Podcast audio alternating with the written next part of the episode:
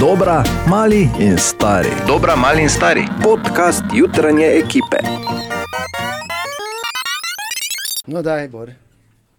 Snimaš? Ja. Ha? ja. Lepo zdrav, podcasterce, podcasterji, tu smo s Katijo Da me vprašaš, že enkrat, če snemam, no resno, prosim. in tam je Bor. Ja. Danes sem tehnik, tako da. Samo malo. Dobro zveni? Danes si vse, Ena kar šest, ena šest. dejansko ne bi, prosim, več kave pil. Nikoli več, nikoli. Ker mor, morate vedeti, da je zjutraj začel s kavo in je bil tako naspidiran, kot da je imel kavo v prahu, bele Pa- barve, če me razumeš. Ja, ja, A, ja. zdaj pa ga je isto hitro spustilo. Ne, pa Ja, ni. Ne, dražba je. Ne. Danes, ko ta dražba, ki se je začela na spletni strani Radio City, www.radiocity.si, slash Dražba, dražba, to je tako dogajanje, to se je noro, je, ker najprej en dan iz 200 na 205, pol na 210, oni prije nazaj, jaz čakam, kaj bo, pa, pa isti se je povišal, 215, 3 sekunde kasneje, pum, To je kaj, kavo 220. Ja, ne vem, kaj mu je. Ne, Ne, vem, ne, kaj mu je. Katja, jaz ti povedal, da je dražba. Da si med drugim ta teden priznala, da imaš mokre Ja. sanje. in Kaj ima vse kakšne? Ženske,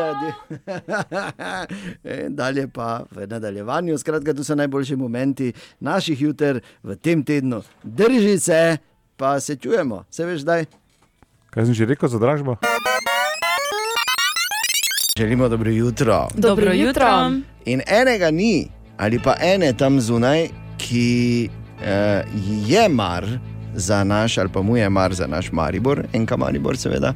Te, ni nas malo, naj samo povem, preden se gremo preštevati na prvi, drugi, ne, 16.555, uh, ki ne bi bili včeraj vsaj malo zaskrbljeni, ne, ko smo bili, oh, pa ne spet, ali res, ampak kvaliteta našega Maribora se je še enkrat več pokazala v dolgi klopi in pa v tem, da eh, ne glede na to, kako so vso tekmo želeli pri domžalah zaklad vse, kar je pozitivnega v futbalu, pa so na koncu potem le. Uh, morali kloniti, in Maribor je več kot upravičeno zmagal z 2 proti 1, lahko bi ta zmaga bila še višja. smo res zadovoljni v sečinici, je res dobra energija.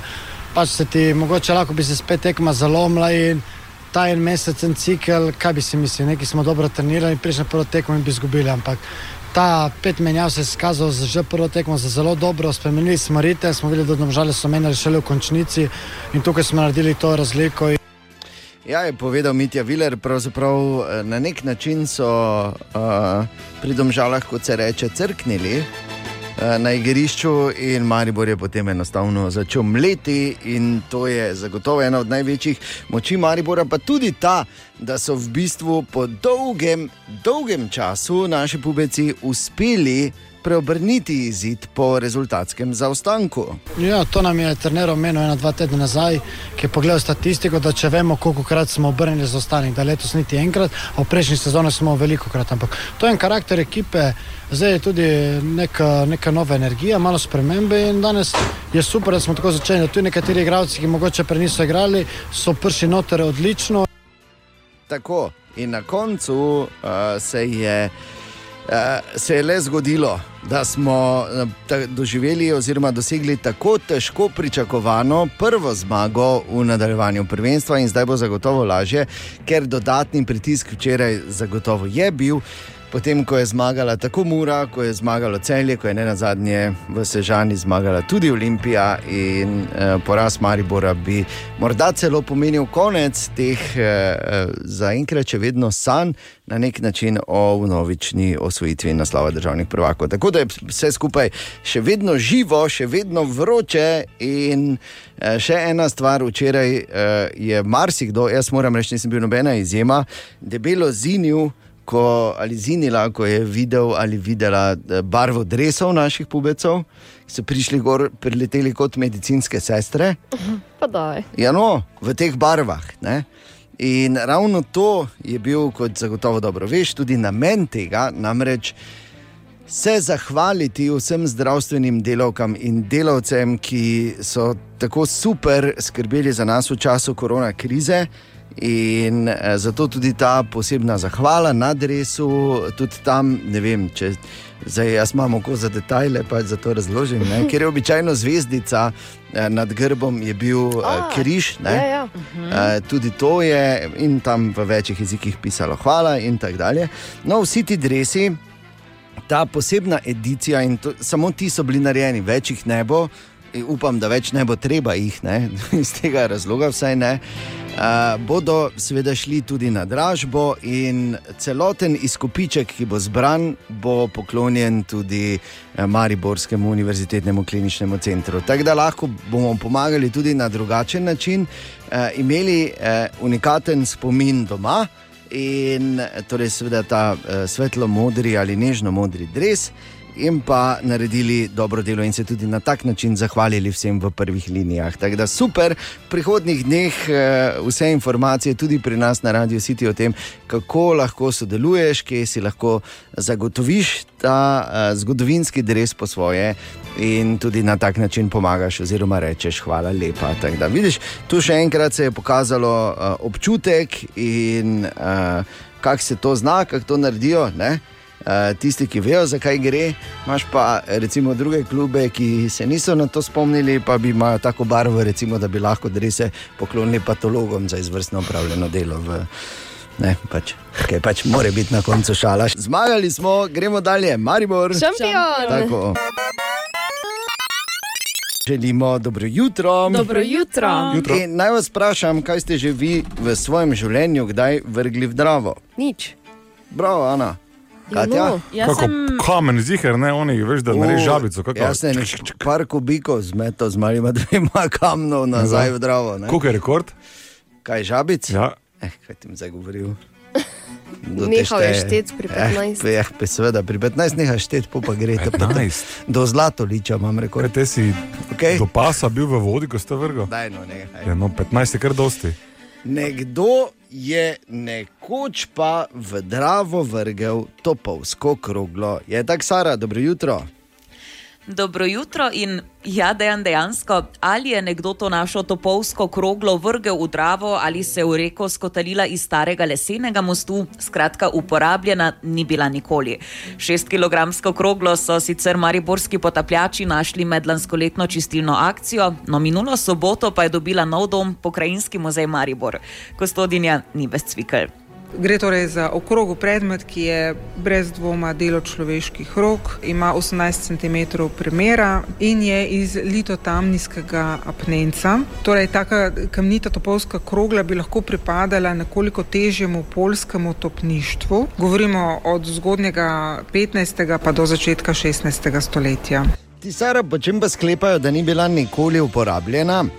Že same kamnine, prav tako na krogli niso našli sledi smodnika, no ta mehka kamnina pa bi se pri stiku s površino poškodovala, če ne že razletela. Kroglo še preučujejo, strokovnjaki pa predvidevajo, da je bila izdelana v mestu in postavljena nekje na kup za potencijalno obrambo pred napadalci. Kostodinja ni vescvikl. Je pa tako, no, da so te krogle tako zahtevno delo predstavljale, ne? niso bile nekaj enostavnega. Glede na mesto najdbe pa lahko sklepamo, da je očitno nekomu padla iz mostu. Srednjeveška topovska krogla pride redko v katero koli zbirko muzeja, ampak tu pridemo do takega grenkega, ampak ta vsaj za zdaj še ne bo na ogled širši javnosti. Prav gotovo jo bomo uvrstili v našo zbirko orožja, ki že sedaj šteje okoli tisoč kosov. Kdaj bo na ogled, pa pravzaprav širši javnosti težko rečemo, sicer pa smo pri svojem delu vedno malo uh, odvisni od tega, kdaj bo dokončana obnova gradu. Mimo tega in za lažjo predstavo pa samo še to, da je bila krogla izdelana, ko je v Mariboru živelo tisoč ljudi in ko sta bila sodni in vodni stolp še nova.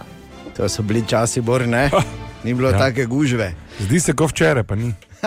Ampak je pa ena druga zanimiva stvar, pri vsem skupaj še ne smemo uh, prezreti te informacije, da je iz mehke kamnine delana, kar pomeni, da ni bila delana za resno uporabo, ampak da je bila za darilo.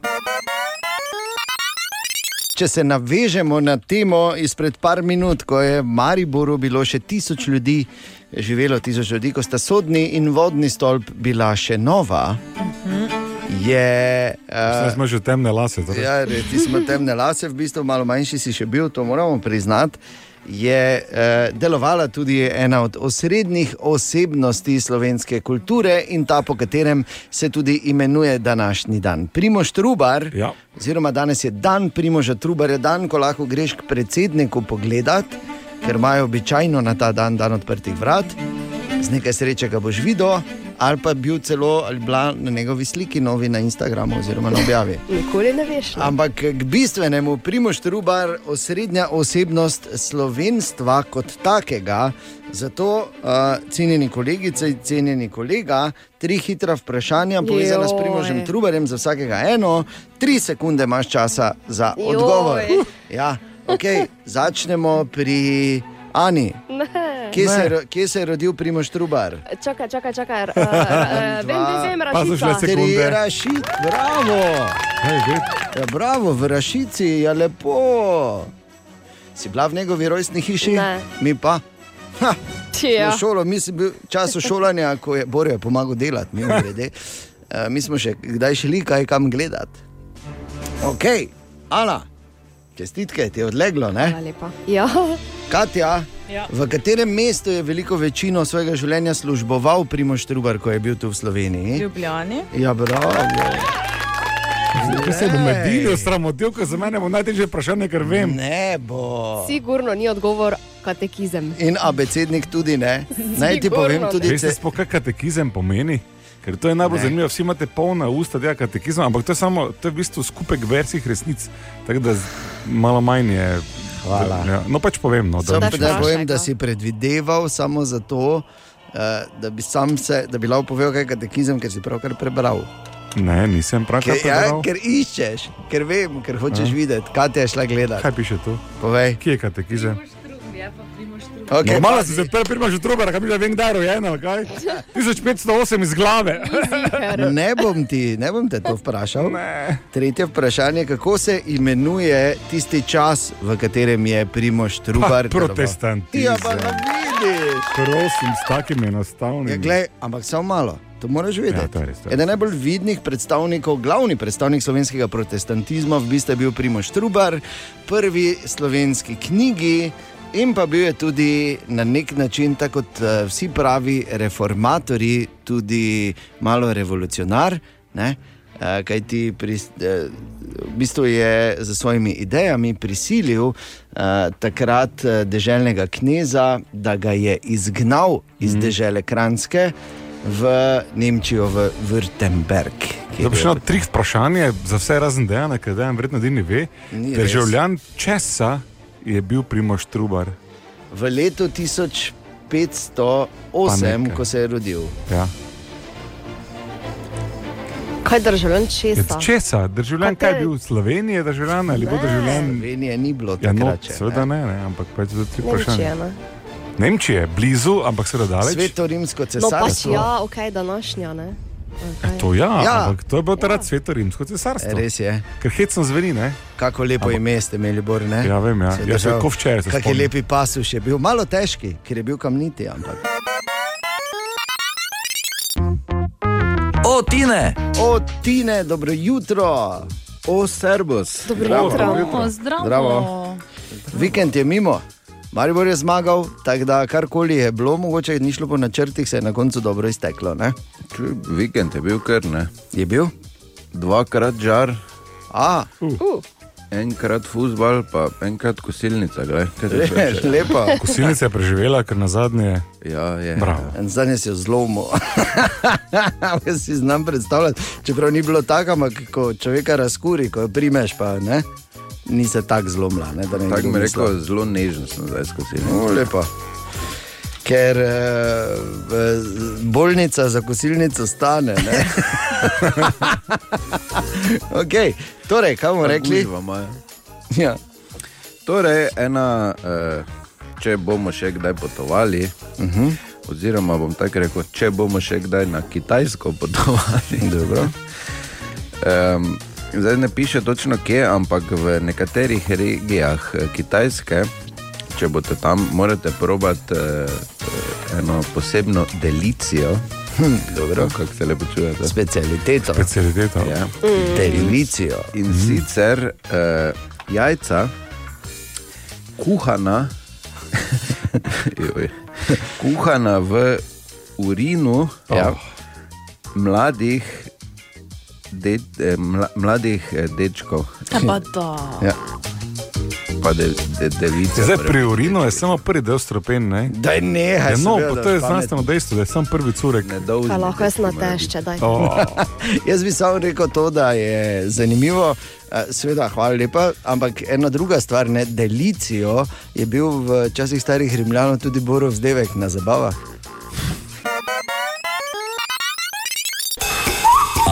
Aha, aha, aha, aha. Ah, napačen moment, ne. Kaj si v redu? Favš mi je nekdo tu v studiu, pa ne vem česa. Pravkar si govoril o svojem dopustu, Dejan. A, ok.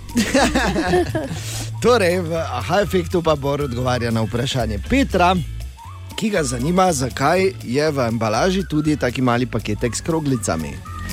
Zdaj ni ravno strupen, ampak vseeno te kroglice niti slučajno ne probujete. To so silikonske kroglice, ki so v paketu, da vlaga v paketu ni prevelika. To pomeni, da Bog ve, ki ta paket hodi okoli, mečejo si ga, eh, čudni prostori so. Te male kroglice v teh malih paketkih zmanjšajo vlago v tem paketu, tam do 10 odstotkov, to je njihov namen. Niso bomboni, uh, če bi jaz slučajno pomislil, v vsakem primeru ne, Noben ni še dobro končal, če je silikon jedel. Silikon, Silikon. silikon. silikon. To je pa čisto mariborsko Ja, no, naglaševanje. Maribora, ne silikon, ampak silikon. Silikon. Silikon, ne, je čuj, silikon. Saj nisi nor, ne? Že bo to tega hudiča, ne? Tako da silikon ne jest. Ali tudi vi pogosto totavate v temi? Aha, efekt, da boste vedeli več. Dobro jutro. Dobro jutro. Ena od bolj znemiljivih stvari, ki jih lahko doživiš, je, da si privoščiš v kakšnem zabaviščnem parku ali takem profizoriš ali pa v kakem čisto resnem tematskem parku vožnjo na kakem vlakcu smrti. Ne?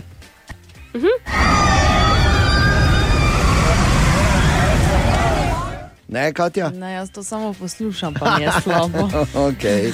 Res? Ja. Joj, ne, glej, Ne bom dal še enkrat. Takoj, zdaj recimo. pa daj.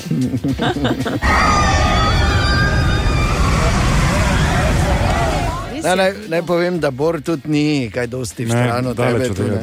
Ampak, glej, zdaj so bili tematski parki zaprti, zdaj pa se odpirajo počasi in zanesljivo posod po svetu. In enih par stvari, če pač imaš namen to poletje uh, se znajti v katerem od njih, uh, je recimo, če greš na Japonsko. Tam so zdaj dali novo pravilo v svojih tematskih parkih in sicer prijazno, kot je to pač v japonski maniri, naprošajo vse obiskovalce naj ne kričijo na roller coasterjih. Kaj? Ja, ne smeš kričati, ne, ker če kričiš, Kaj gre v kapljice? ja, seveda, ne, in dobiš kapljice. Tako da moraš biti tiho. Veliko sreče s tem. Ne? Če greš v Disney World, potem ta, ta se mi zdi še posebej bizarna. Hodijo okoli uh, Star Wars Stormtrooperji, uh, torej oblečeni v te Stormtrooperje. A te in- špricajo? Ne, ne. Z razkužilom? Ne, Pa počakaj, skrbijo, no. skrbijo za to, da vzdržuješ socialno distanco.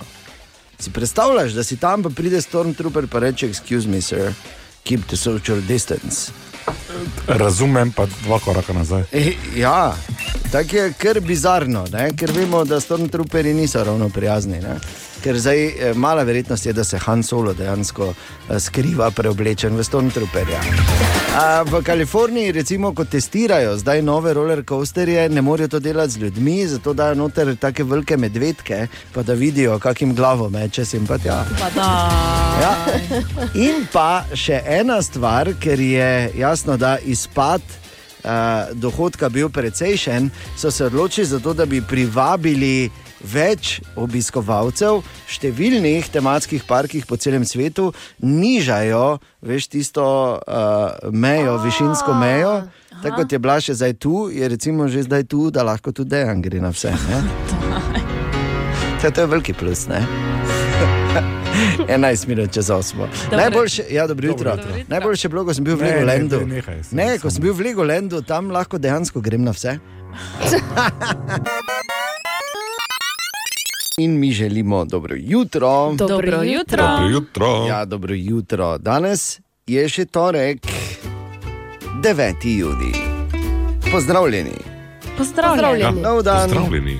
špilajo od zadaj in mi smo tu. To je zgodba naših življenj, veš. Špilajo od zadaj in mi smo tu. 9 minut, eh, oziroma 10 minut, če šesto, že lepo je vedeti, da se počasi prebuja tudi takči za res, v skladu s vsemi karantenskimi oziroma post-korona predpisi, tudi kultura, tudi v Mariborskem gledališču in baletu, o tem bomo sicer nekaj več kasneje, ampak zdaj smo pri drami, se že začenja. Seveda, danes si lahko gledaš pošto, uh, roka Gregorja Vilčnika in potem tako dalje, šola za žene in vse ostale lepe predstave, ki uh, nosijo pomenljive naslove. Kadarkoli lahko kdo pač čestita, da so tako daleč, ne bom nič jezen, vam govorim. Ja. Ja, zdaj? poslušamo z zanimanjem. Tako, in eh, ko sem prebral, malo sem šel danes zjutraj namreč skozi program Mariborskega eh, SNG, tako drame kot, eh, kot opere in baleta.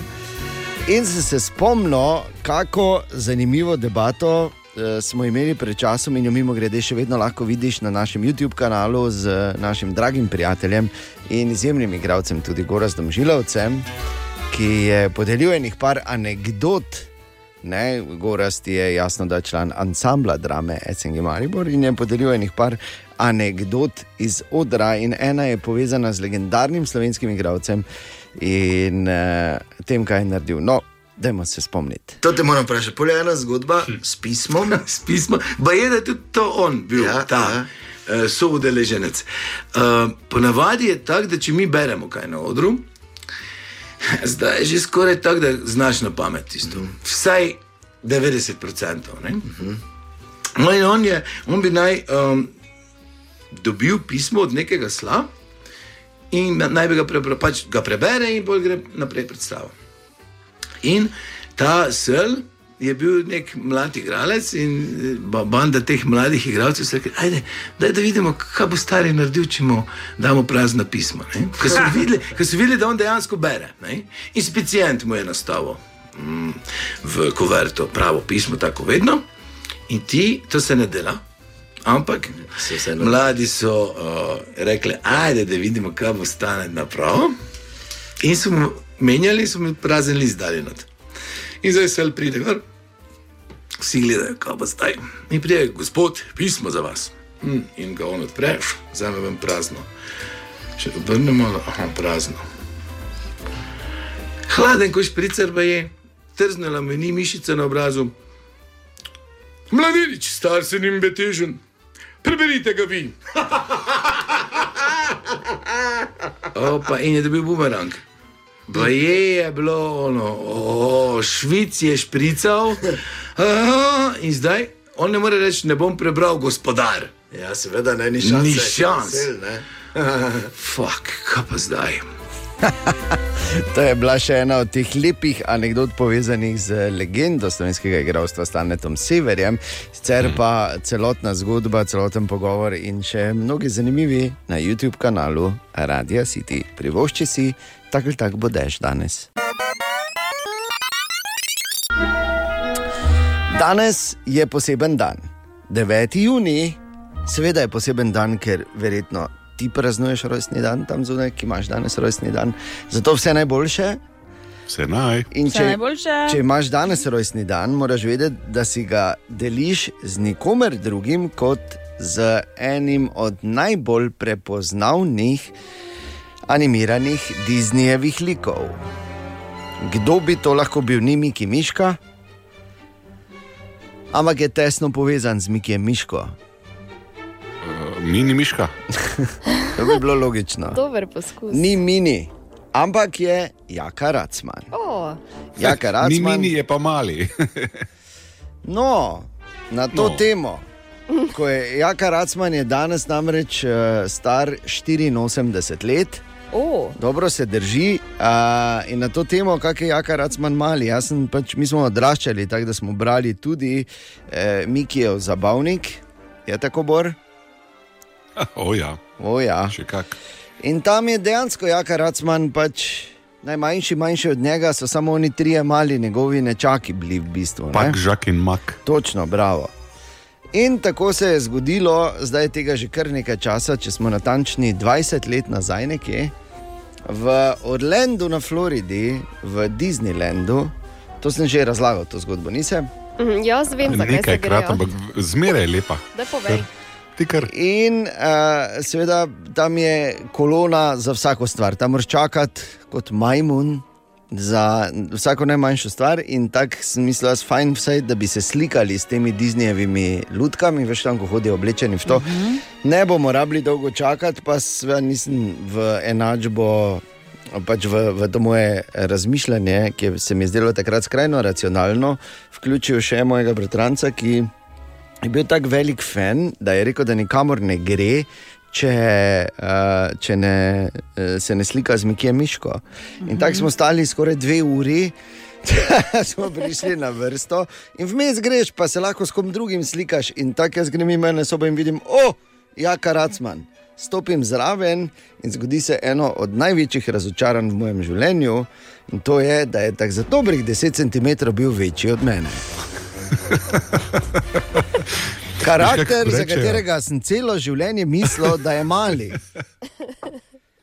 Kaj Kaj rečejo? rečejo? This never gets old. Ne? Ja. Ta zgodba ne bo nikoli Katastrofa. stara ali nesmešna ali karkoli. Vedno nas- znova, ko čujem, je. Pa Ko me naslednjič spomniš, da ima Jaka Racman rojstni dan, Katja, moraš vedeti, da mi odpreš globoko rano. In naj samo povem, da nikoli ne veš, kje te čaka. To se mislim zelo pozitivno, ker je Bor takoj naredil oko. Kje me čaka kaj? Kje me čaka? Ojej. Jaz sem blizu. Ne, ne, brez heca, nikoli ne veš, kje najdeš kaj lepega. Evo, tako sem jaz prebral. Čas preživeti s prijatelji ni nikoli izgubljen. Pa do. Ja. Tako lepo. Pa resnično. Veš, kje sem to prebral? Vem, če se upam vprašati. Na čajni vrečki. Tako da, glej, Kaj, če te piješ ti? Ja, no, dober, Ja. dober, plus daje mi življenjske modrosti in lepe besede. Tako da, komaj čakam, kaj bo na mojem čaju, ki si ga naredim vsako jutro, jutri. Bom vam prebral. Da ni čisto slučajno, Bor, tvoja sošolka, razkrila tvojo skrivnost. Ne, v Ganem brala so isti članek, v kateri 90-letna gospa razlaga, da je fit Ja. ja. v svojem življenju samo zato, ker igra 4 ure na dan igrice. Točno to. In to online. In je zagrižena ja. Ja. gamerka Ja. in pravi, da ime je Hamako Mori. Ja. Hamako, nisem te videl od prvega razreda. Ja. Zdaj je to bilo prve, prvo svetovno vojno. Ko še ni bilo prvega razreda. Uh, bravo, Japonka, res. Mislim, to mislim Bravo, na men- Japonka. Ja, to mislim na mentalno kondicijo, jasno. Ne? Je dobro, zdaj fizično, čeprav dobro zgleda, gospa, ja. ampak to je tako tako na splošno. Se mi zdi, da pri malo starejših Japoncih tam sploh znajo, glede na uh, hrano, ki jo uživajo in stil življenja, kot ga imajo, in predvsem, ker sledijo pravilom, očitno. Uh, očitno zato uh, jim to vse nekako štima in Hamako Mori, torej ja, 90 let je stara, ima celo svoj YouTube kanal, kjer ima trenutno več kot 300 tisoč uh, sledilcev, kjer ona špila in uh, to pač predvaja na YouTube kanalu in zraven komentira. In ljudje lahko gledajo, kako Borova sošolka špila. In glede na to, da jo to ohranja, kot se reko, ne, ali je to skrivnost do Borovega uspeha. Maribor se bo priključil seznamu tistih mest, ki so v vesolju. Čisto za res. To smo prej bili. Ja, dobro, no, ampak so šli v vesolje ali pa kaj gor poslali A, prihodni okej, okay, petek, malo pred četrto uro zjutraj, gre satelit. Narejen, vzgojen in porejen na Mariborski univerzi na feriju v vesolje. Tako da to bo prav poseben moment, da bomo tudi mi del uh, teh vesoljskih narodov, če jih lahko tako imenujemo. Sicer nam je tudi tokrat sfalilo, da bi malo razširili situacijo, pa da bi tudi prvega astronauta gor poslali. Mi Smo ponudili Bora, ne? Ampak ni placa noter, eh, pa tudi premalo, da bi to pač razširili, da bi se nekako vsedo. Lahko, ne? Se ne bi, rabo dosti. Pa tudi samo za gor se veš za nazaj. Tam je pač vsak za sebe, mi te gor spravimo dol, pa kak boš pač prišel. ne? no, ampak šalo na stran, prihodni petek bo šlo za res, da bomo vse skupaj spremljali tudi mi na Radio City. Čas za uh, segment, ki mu rečemo Borgeri po mestu in sreča kvalitetne in uspešne Mariborčane. Tako sem tudi Edija, hop. V Edija. njega noter, tumf, pa smo se zaletela. Edvard Kluk, seveda, je mednarodno priznan koreograf. Eden, da, Hotel sem samo povedati, Edvard Kluk je ne samo to, da je delal v Bolšoj teatru, hotel, hotel sem povedati to, da je on avtor. Spomniš še enkrat, ko je uh, povedal leta nazaj v svoji rodni romunščini. Uh, Jingle za nas, samo zdaj ne najdem tega posnetka, samo se spomnim, da je bilo Dejan Šikubor. Dejan ne- Bor je točno. Dejan Šikubor. Ja. Ampak Edvard Kruk je seveda izjemen kulturnik. Ja, ja. V Mariboru ga poznamo po mnogih mojstrovinah. Ena izmed njih je Radio in Juliet. Jaz se spomnim, ko včeraj, pa ni včeraj, ker je bilo 2005. Ko je ta predstava prvič videla luč sveta v Mariborskem SNG, gre jasno za kako uro dolg balet. In mimo grede, prav s tem baletom se zdaj sezona vrača nazaj po koronski krizi. Z Edardom sem poklepetala na temo, kako na ključe, da so pred tolkimi in tolkimi leti takrat plesali z maskami in pravi takole. Jaz mislim, da uh, lepše ne bi moglo biti. In pred 15 leti, ko smo to predstavo delali, smo se pojavili z medicinskimi maskami in rokavicami uh, na odru. Je bilo to malce, malce provokativno. Ne? In uh, jaz upam, da nismo kaj takrat povzročili, tako malo profeško, uh, uh, vnaprej gledano, da se je to vse skupaj zgodilo. Ampak zdi se mi fajn, zdaj po 15 letih, da bomo praznovali to obletnico z eh, ekskluzivne stvari, oziroma ekskluzivni dogodki, prva predstava po koroni. Uh -huh. In zdaj imamo še eno teorijo zarote, zavimo, zakaj je do korone v bistvu prišlo. Zato, ker je v Rejdu in Juliet Edward že takrat na taktu rokavice pa masko. Pre, premalo nazaj smo gledali, ne za gledati pet let nazaj, 15 let nazaj smo povzročili epidemijo tukaj v Mariboru. No, s to no, predstavo. no, no, no, no, moče ni ravno tako, no, v vsakem primeru pa Rejdu in Juliet se vrača, to bo pravi Edward Cook še enkrat tak en ekskluzivni dogodek. Uh, to bo kar ena ekskluzivna stvar, ampak če pustimo to na stran, uh, seveda smo veseli, da se lahko spet uh, družimo z vami in uh, kot še enkrat. Uh, Bom povedal, simbolično se ne bi moglo lepše uh, poklapljati ne, za Radio in Julia. Tako da vas pričakujemo 19-20 uh, juni. Ja, seveda pridemo, kaj pa na drugega. Zdaj, ko smo, hvala za korono, ne, pač lahko samo vrnemo nazaj z obiskom, da malo Tako. razširimo dobro voljo. In uh, seveda, da bo še enkrat zadene bolečina, kako bi lahko, pa ne more narediti špage. Da ni čisto slučajno, Bor, tvoja sošolka, razkrila tvojo skrivnost. Ne, v Ganem brala so isti članek, v kateri 90-letna gospa razlaga, da je fit Ja. ja. v svojem življenju samo zato, ker igra 4 ure na dan igrice. Točno to. In to online. In je zagrižena ja. Ja. gamerka Ja. in pravi, da ime je Hamako Mori. Ja. Hamako, nisem te videl od prvega razreda.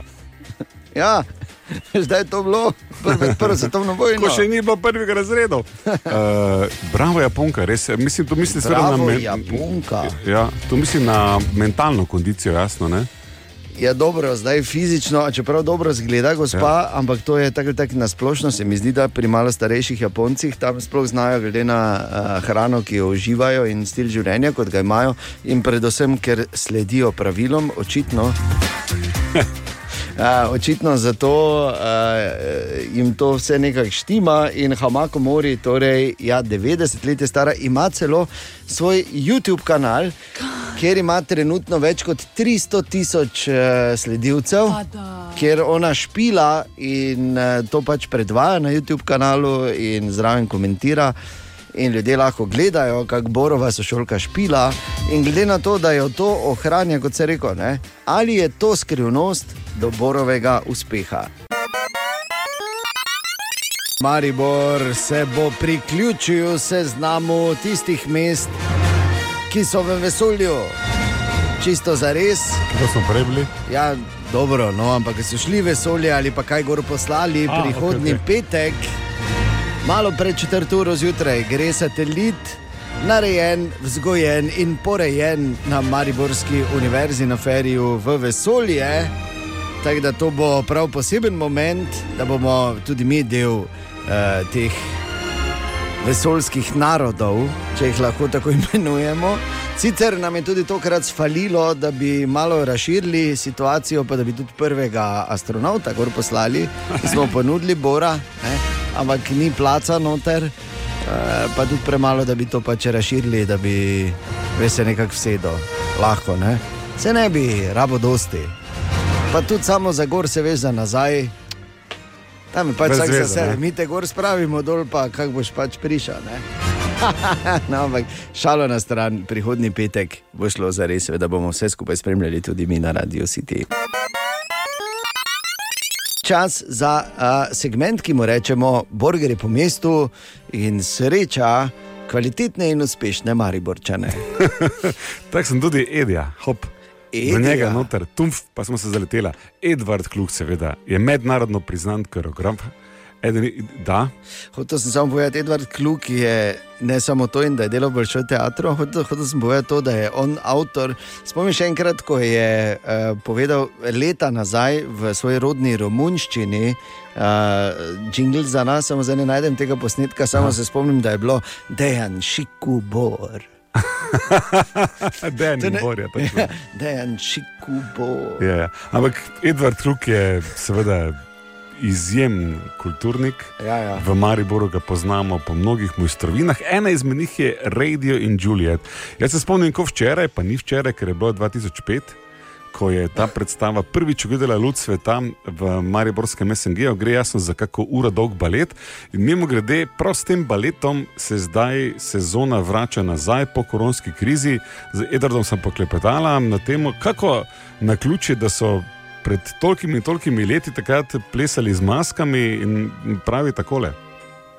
Jaz mislim, da uh, lepše ne bi moglo biti. In pred 15 leti, ko smo to predstavo delali, smo se pojavili z medicinskimi maskami in rokavicami uh, na odru. Je bilo to malce, malce provokativno. Ne? In uh, jaz upam, da nismo kaj takrat povzročili, tako malo profeško, uh, uh, vnaprej gledano, da se je to vse skupaj zgodilo. Ampak zdi se mi fajn, zdaj po 15 letih, da bomo praznovali to obletnico z ekskluzivne stvari, oziroma ekskluzivni dogodki, prva predstava po koroni. Uh -huh. In zdaj imamo še eno teorijo zarote, zavimo, zakaj je do korone v bistvu prišlo. Uh -huh. Zato, ker je v Radio in Juliet Edward že takrat zataknil rokavice pa masko. Ne? Pre, premalo nazaj smo gledali, ne za gledati pet let nazaj, 15 let nazaj smo področili epidemijo tukaj v Mariboru. No, to no, predstavo. no, no, no, no, moče ni ravno tako, no, v vsakem primeru pa Radio in Juliet se vrača, to bo pravi Edward Kluk še enkrat tak en ekskluzivni dogodek. Uh, to bo kar ena ekskluzivna stvar, ampak če pustimo to na stran, uh, seveda smo veseli, da se lahko spet uh, družimo z vami in uh, kot še enkrat. Uh, Bom povedal, simbolično se ne bi moglo lepše uh, poklapljati ne, za Radio in Julia. Tako da vas pričakujemo 19-20 uh, juni.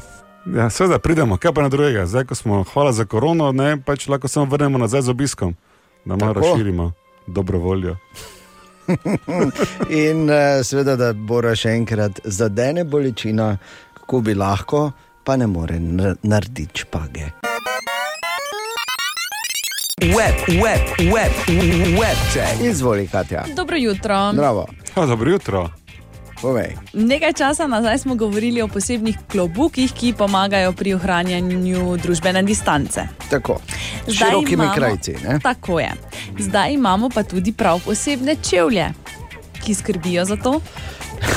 Naj ugane, malo bolj odprti, pa bili so dolgo zaprti. Ne, ne, v bistvu so čevlji številka 75 A, in imajo spredaj podaljšek. z dolgim špicom, torej šuhi. špicom, tako da če stojita dva nasproti, ki imata te čevlje obute, je med njima točno meter pa pol. Ja, Kaj pa če stojita en zraven drugega? Ja, pol pa Ja. brez veze, da jih imata obute. No, ne. ker čevlji za uh, ohranjanje distance se pravim. Ne? Ja, razumem. Ja. Čevlje za hranjenje frontalne distance. Ne? Mm, dobro, bor. hvala, da si Okay. razložil. Uh, Jan Plestenjak se za nekaj časa umika iz medijev, saj, pripravlja nov album. Bravo, bravo, Jan. In pa Ker jaz več nisem mogel, kjerkoli sem, karkoli je posod je bil Jan. In je bilo res preveč. Ne mir, jaz komaj čakam, da da nekaj novega ven. In pa David Beckham namerava snemati svojo kuharsko oddajo, in trenutno se o tem pogaja z mrežama BBC in pa Netflix. Noro. To je nekaj, kar bom z veseljem pogledal. On je en od mojih najljubših nogometašev vseh časov. Ne bi pa kazano očitno, jaz ne zdaj za malce imel izvrsten golaž, ki sem ga skuhal včeraj z suhimi slivami in jabolki. Nagrado pa še ne. bil Koliko od tega je dal, naprimer, lačnemu sodelavcu? Ja, nič, ne? nič. Ker ko je zadnji kos let- ne, tam še okoli, smisel, zdaj, zdaj bo in se tako malo nagnem k njemu, da bi mu nakazal, da sem lačen. Pa sem mu rekel, ni šanse. Seveda, ja, no, Glej, dam ti celi pisker z mojega krožnika, pa pač ne, ker kaj je moje, je moje. Viš, tako so se No, začeli tako da hočem samo povedati- Ja. Tiranije, vse je na ta. Ne. Hočem samo povedati, ko si rekla kuharska oddaja, ne da bi ne bisere, troso pa talent, na talente, ampak dobro. Webcheck. Čas za segment, ki mu popularno rečemo izborove špajze. Tako, ali v današnjem primeru kukamo skozi vrata slavnih. Ne? Kaj se Joj. dogaja v hiši Grajner? Mhm. Res. Ja, no, glej, pač. Vemo, da v 2020 je sicer že malo več resnice pricurljalo na dan v teh korona časih, ampak še vedno je treba zapakirati lepo stvari. V hiši Grajner, ne vem, če veste, imamo 11-mesečno hčerko, počasi bo že leto dni. Ja. In ona, kot vsi mali otroci, seveda vse, kar rabi, je. Ne, ne, vse, kar rabi, je. Aha, eh, mleketa. Ziziko. Tako da je, hvala, vedel sem, da lahko na tebe računam. Ja, no. Zato ni nič čudnega, da je začela prve zloge, ki jih tvori. Je... Mama? Ne, mama, pa dajte, no prosim, no, ljudje. Ziza. Ne, mama. In zdaj jaz ne bi bil jaz, če ne bi se vsedel z Julijo, pa rekel tako, zdaj srce, zdaj bom pa te Ati naučil Ati reči, zato ker, ali pa zdaj Ata, ali pa nekaj od tega, ker ne morem tu živeti v bajti, da se ona dere, mama, pod, pod, ne, kaj Ne, za to. Zdaj se ne ve, kdo je glava družine, kdo je pomemben. In tako se jaz sedem z Julijo in mi je lepo začnema, Ata. Duš, ne? Ker je relativno, relativno blizu Ata, čeprav se mi Ja, da ja. se je malo norčevala, smo šli dalje. Ne? Torej, Julija, Ata. Te nehaj, stari. To je bilo- Ja, v prevodu. Ne? Lej, nismo upali, Julija, Ata. Ja, Je pa- Zakaj? To je, ampak moš Ne, priznati, to je- Dejan, da to zdaj je bilo že nevarno blizu. Ne? Niti približno. Okay, okay, samo malo, nisem še obupa, ker je bilo Julija, Ata. Mute ti je rekla, mute, mute, kak ne razumeš. Mrtva je me dala na mute in potem le pičnih 48 ur kasneje pa Ata. Hvala lepa, hvala lepa. Hvala To je bilo to, viš, kak je že zdaj tako zelo empatična, ne? ker moraš vedeti, Bor, de, da gre lažje. Dobro jutro želimo. Dobro Dobro jutro. jutro. Dobro jutro. Ali se vi zavedate, da če vpišeš v Google in napišeš eh, recept ribe, Ja. dobiš več kot 56 milijonov zadetkov. Res. 56 milijonov. 56 milijonov zadetkov, čeprav napišeš. Ne? Čeprav napišeš. Okay. Če naprav napišeš, pač ne dobiš. Uh, ribe Ne vem, zakaj sicer zdaj gla, skladba iz Titanika zadaj, ampak gledaj, z nek. No, se tam so bile ribe, morajo. Uja, velike, velike ribe. Ribe so uh, zdaj, glede na uh, pač vse izsledke, izjemno zdrave. Ne, in vsi, ki se zdravo prehranjujejo, pojejo precej rib, polne so omega-3 kislin in eh, ostalih kvalitetnih hranil. Skratka, če jih dosti poješ, imaš kožo tako napeto, da ti lahko rid pokne. Kot se, dobro, pretiravam. ampak- tako približno. Ne? In uh, to, da je vedno večja osveščenost pri prehranjevanju, je zelo slabo za ribe, ker jih v zadnjih letih tako na planetu pojemo več kot kadarkoli, se tudi nas je več kot kadarkoli. Ampak kaj misliš, koliko kilogramov po glavi zemljana rib se poje vsako leto? To moraš zdaj vedeti. Da, Okay. Več milijard nas je, kaj miš, koliko rib imamo. Sto je preveč. Pazi, po glavi, Katja. Po glavi, ja. Po glavi to pomeni, da nekateri tudi ne jejo rib. Ne vem, jaz rečem, Ja, ja, okay. Na leto je to, ne? Na leto 20 po glavi. recimo. 20 reče Katja, dobro. Okay. Um, bom rekel bolj, pa ja, no, tu nekaj, ja, 25. Zdaj pa novo. Ja, zdaj pa za to ponavljam. Ti ponavljaš. Ana, kaj ti rečeš? Ja, če si rekel zdaj manj, pol bom jaz te zmanjšala na polovičko, pa rečem 10. Pa 50. Ja. Okay. 20 kg in pol, tako da Katja, Oh, po popravku daleč najbolj. Ampak pazi, jaz absolutno ne jem rib. Ne? Mogoče ja. petkrat na leto tunino in to je to. Pa sem tudi zraven v tej enačbi kot vsi. Tako da ogromno rib se poje. Tako da ribe, ribe, ribe, ribe. Seveda ni vse samo plus, ko rečemo ribe. Imáš Ja. tudi dosti minusov, imaš čiste realni minus, ta je, da, uh, da, da morja in reke ne uspejo v bistvu uh, nadoknaditi toliko, koliko se ven uh, polovi. to je Ja. ja. precejšnja težava, ampak jaz upam, da jo vsaj koliko toliko uspešno rešujejo z ribogojnicami.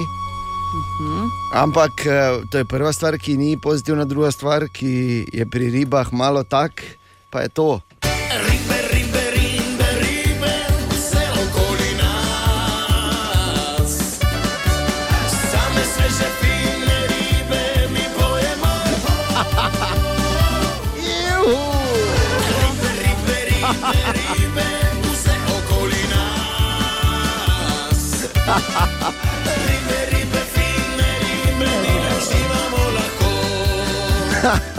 Okay, okay. Okay. Tako da, je prišlo? Zagotovo slabo, ampak eh, ne v vsakem primeru, uh, tudi če imaš ribe po pameti, samo po pameti, to je vse. 13 minut. Slabše bi lahko bilo samo, če bi vem potegnil ribi, ribice. eh. Ja, ampak, ampak tudi dobor. Ja, Ne, veš, ker najhujše je, veš, ko tako pridete ven, pogledate in rečete.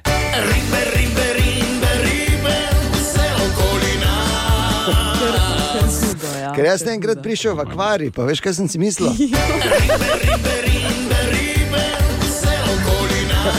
okay, dovolj.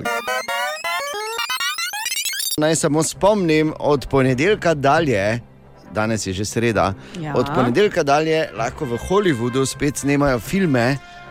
Ker moramo vedeti, da če ne bi bilo te uh, korona krize in samoizolacije in vsega tega, da bi recimo zdaj že Tom Cruise uh, snemal še vedno svoje, uh, vse svoje akcijske prizore v novem Mission Impossible, da bi Keanu Reeves zaključoval snemanje Matrice, četrti del. No. Zaletelo se mi je, zato ker sem imel same tri vice, neprimerne za Toma Cruza. aha, vidiš? Ja, ni, takoj te, kot se reče, kaštiga. Ne? In pa Robert Pattinson bi si oblačil preveliko, to sem prepričan, da mu bo prevelika uh, obleka za Batmana. Ker on je novi Batman, jaz si ne znam predstavljati, kako bo novi Batman, Robert Pattinson. Trenira. Ja, Trenirati noče. Še to, on bo sloki Batman. Ja, sloki, ja. Ja, to je povedal. On bo Batman, zobotrebec. Batman, ki jih več kot pol, uh, pol zlikovcev premaga tako, da crkne od smeha, ko ga vidijo. Ne, to bo Robert. Ampak mogoče pa nas preseneti, nikoli ne veš. Jaz mu bom dal šanso, čeprav sem skeptičen. No, in ker se spet snemajo filmi, zato smo to danes zjutraj samo na hitro spomniti: Martin, Quentin, Steven, David, Ridley, Francis, Christopher, Clint, ne pozabiti, kolmi. Jaz sem cel. Dobro jutro še enkrat. Dobro jutro. Dobro jutro. Dobrodošli. Eh, Zdaj smo bolj ali manj spet vsi v službi, še ne dolgo nazaj nas je bila velika večina doma. Eh, Pojem delo od doma je postal dejstvo in to do te mere, da so mnoge, eh, mnoge pametne firme se odločile, da bodo šle naprej z trendom in če je nekomu všeč, pač in če funkcionira stvar, bomo tako nadaljevali. Pri Twitterju so recimo taki, tak? Ja. zagotovo. Tudi eh, zanimivo, da dosti eh, razmišljajo o tem, oziroma na nek način so pre, preoblikovali eh, to tudi pri Googlu in eh, Facebooku in tako dalje. Če govorimo samo o največjih. Rad bi rekel, da so to naredili tudi v Tamu, v Mariboru, samo ni več tam. Veš, kaj ti hočem reči? Ja, pa tudi dejstvo je, dejan, da se v teh, torej v Silicijski dolini, pa v Ameriki nasplošno ljudje v službo vozijo dlje časa kot v Evropi, oziroma sploh v Sloveniji. Absolutno. In tudi iz tega zornega kota stroškov je tam to še toliko bolj smiselno. Ne? Pri nas, če si že 20 minut na cesti, je to že katastrofa. A, naj samo povem, da uh, imeli smo torej navadno delo, pol je bilo delo od doma in jaz sem z zanimanjem uh, spremljal, kam bo ta trend šel. In vedno bolj se kaže, sploh v Ameriki, pa tudi v Evropi. In sicer eh, po delu od doma je prišlo delo od koderkoli. Ker zanimivo, ljudje, ki so delali od doma, so ugotovili, da dejansko ne rabijo biti zares doma, da lahko delajo, ker lahko delajo od koderkoli. Zato je to seveda dobro za turistično industrijo, ki se prebuja tudi na ta način, ker ljudje pač grejo, pa pač kjerkoli so delajo, ampak pač niso doma. In pa zanimivo, eh, da je ful dobro te dni, oziroma v tem obdobju, če delaš ali pa rentaš eh, avtodome.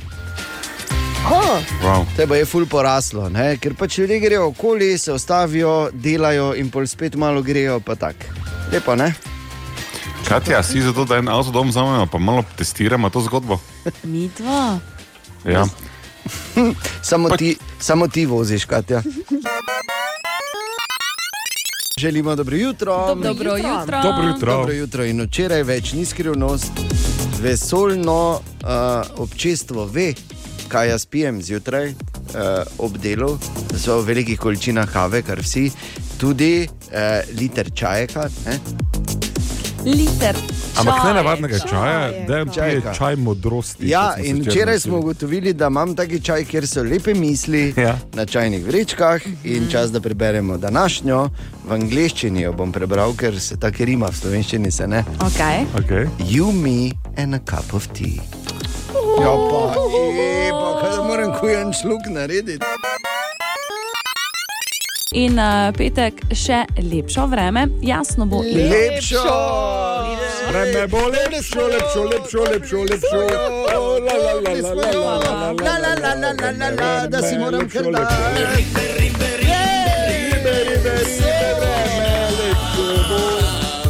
Še bo lepšo, lepšo bo, Katja. Juhu. O, Tine! Ja, ja. To je. Damo, damo, seveda, da. Tine, dobro jutro. Stavljate danes jih ali pač tako, ker ali ste blesavi. Tine je edini, ki je. Drugo, Gledaj, tako samo gledaj, kaj te s tabo je, se te vidim, ne? Razumem. Pa kaj te s tabo je? Pa kaj te s tabo je? Točno to je. Točno tako si mislil. Rad bi se, no, nekam stran. Ne. Okay, Pa ne vem kam. Vredo. Mi bi imeli dve, dva, tri predloge, bor za tebe. Vsi so daleč stran. Ajde, da čujem dva. Da čujem dva. Daj mir. Recimo, ne, če bi mi lahko želel, da si neki kam bi me dal. Da si spet mlad, pa na Papuji Novi Gvineji. Spet na papu in novih dneh. Z natičo, Igor, tako Ja, tako. samo, No, kakšen spuket, bolj v misli. Vodo seminarno tam, okay? lahko gremo zdaj, prosim. Ti ne. Viš, da ima seminarno na papu in noč Zagotovo. doma. Bože moj. Torej, uh, ena stvar, ki marsikatero drugo stvar pojasni. ja. V, to je zdaj recimo samo za primer v zvezdni državi Kaliforniji. Ja. Uh, če hočeš postati policaj, moraš dati skozi šest, najmanj 664 ur uh, uh, izobraževanja. Ne? Ja. Ja. Če pa hočeš biti frizer, pa minimalno 1500 ur. Tako da, uh, vam je lahko zdaj malo bolj jasno, Ja. zakaj je vsaj malo tako. Je. Eno se roko na srce pri policistih, samo ena stvar se mora naučiti: ne s kolenom na vrat. Kolikrat Ti sem pa te- res znaš, Ne, ja, ti to pač pa povem. res znaš, to bi pa res Ne, ti s kolenom na čestital. vrat. To je bilo pa res zdaj primerno, bravo. Jaz to sicer pa res Kati, da je njena frizerka mogoče 300 ur imela, samo ampak ne. Pa To je da. tisto tudi lepo. Želimo dobro jutro. Dobro jutro. Dobro jutro. In naj vas vprašam, zdaj mislim, bodimo pozorni. Zdaj pa dejan tebe vprašaj. Ne, življenje se bo spremenilo. Katja ima eno rešitev za resen problem, eh, s katerim se srečujemo, sicer tudi čez leto, ampak najbolj spravi tudi po zimi, ampak ko gremo v kakšne terme, ampak poleti na morju, na bazenih, veš, ko dobiš vodo v uho. Je, je, reči. ja. Ker Katja, seveda, novejša generacija se temu reče Katin lifehack Tako. moment. Uh, In naj Ne, vprašam, ne. naj vprašam samo vas, zdaj, kako smo se do zdaj s tem ubadali, z vodo v uhi. Samo na vodo ne? ali čep? Ker Ne čepo imam tako enkrat na leto nekaj. imaš veški. Veš kaj delam, jaz imam ono tisti tu- tulec, ko gore prižgeš, pa vum pozavga čep za vodo, pa... Skačeš po, Pa- po, po ene noge, ne? Tako Z sem jaz glavo na ja. stran. Ne vem. Tak, ja. To ja. sem jaz delal, ali pa veš, Resno? tako si z dlanjo. skačeta. Z dlanjo si Ja, kaj pa delaš. z brisačo, si znotraj malo popil, jaz si malo popil nam z brisačo. Ne. Ja, samo zato moraš imeti veliko uho. Eno, A, torej, kaj je problem? torej? neuspešno, uh, dokler samo ven ne steče, običajno po noči, če spiš na tisto stran. Katja, kako se tega rešiš? Kapljice iz jabolčnega kisa in alkohola. In kaj delaš s temi kapljicami? Sem vedel, da bo alkohol zraven. Tri kapljice v uho in uh, to v bistvu pomaga, da izpari. Res? Ja.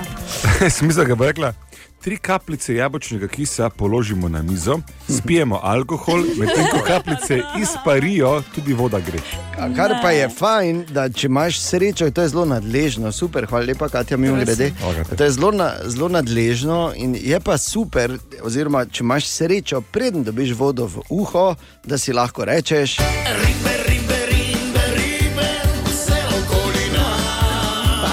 Ne, bor, tako smo mi dva včasih rekla, ko smo prišla na pošto.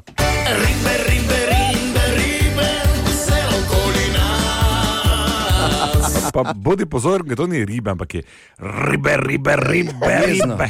jezno je, ribe, ribe, ribe. Včasih na fontani, ne?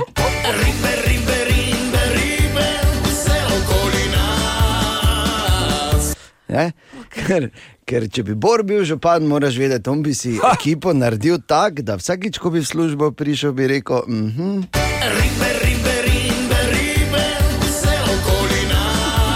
okay.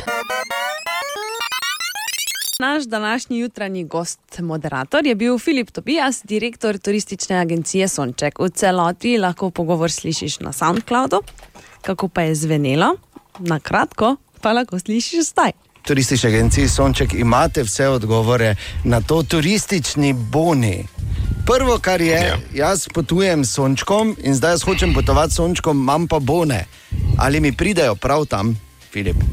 Ja, seveda pridejo prav. Ah. Oni bodo povsod prišli prav, še posebej pri nas. Tako da v bistvu mm, normalno se bo lahko pri nas uh, tudi urejalo ta potovanja, z razliko, da bo se sam bon unovčil v hotelu oziroma Aha. namestitvenem obratu, rezervacija pa se opravi v bistvu v agenciji. Tako da Nekako pri nas imamo najširšo paleto eh, potovanj eh, po svetu, še posebej po Sloveniji smo tudi specializirani, imamo v Sloveniji letno preko 40 tisoč potnikov in 160 tisoč nočitev, tako da imamo izkušnje, imamo partnerje, ki vas z odprtimi rokami pričakujejo. Tako da dobrodošli, ste super. uredili. Kam pa lahko sploh uh, Mariborčani oziroma Slovenci potujemo zdaj? Je to že malo bolj jasno?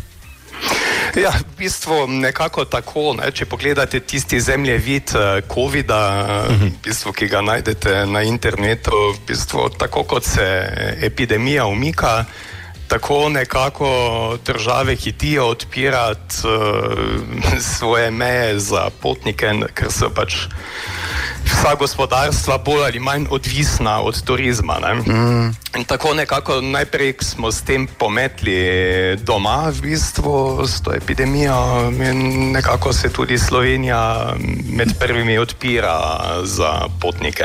Mm. Sosedna Hrvaška, seveda, tudi željni so gostov, se pravi tudi nas. In denarja.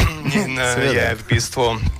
So naredili vse, da je to, ta turistični promet lahko že stekel. Mi že imamo, recimo, prvi avtobus potnikov na Hvaru, smo med prvimi z avtobusom prečkali sploh slovensko mejo. A je pa eno vprašanje prišlo zdaj vmes, Filip, eh, zate to se mi zdi zanimivo. Ena poslušalka je poklicala in sprašuje, kako to, da pa na pol penzion ne moreš koristiti bona. Ne? Na kaj pa lahko nočite zajtrkom, pa kaj še? Ja, v bistvu gre za to, da je ministrstvo razmišljalo o skladnem razvoju m, turističnega gospodarstva, kot sem že povedal, tudi gostinstva. In nekako je bilo mišljeno, če že damo zraven teh 200 evrov po osebi k počitnicam, pa naj si potnik kupi vsaj kako pico na destinaciji ali pa večerjo. Mm. Se lahko tudi v hotelirju, v bistvu pri nas se lahko to zagotovi, da je po takih cenah, kot hotelir ima za svoje goste.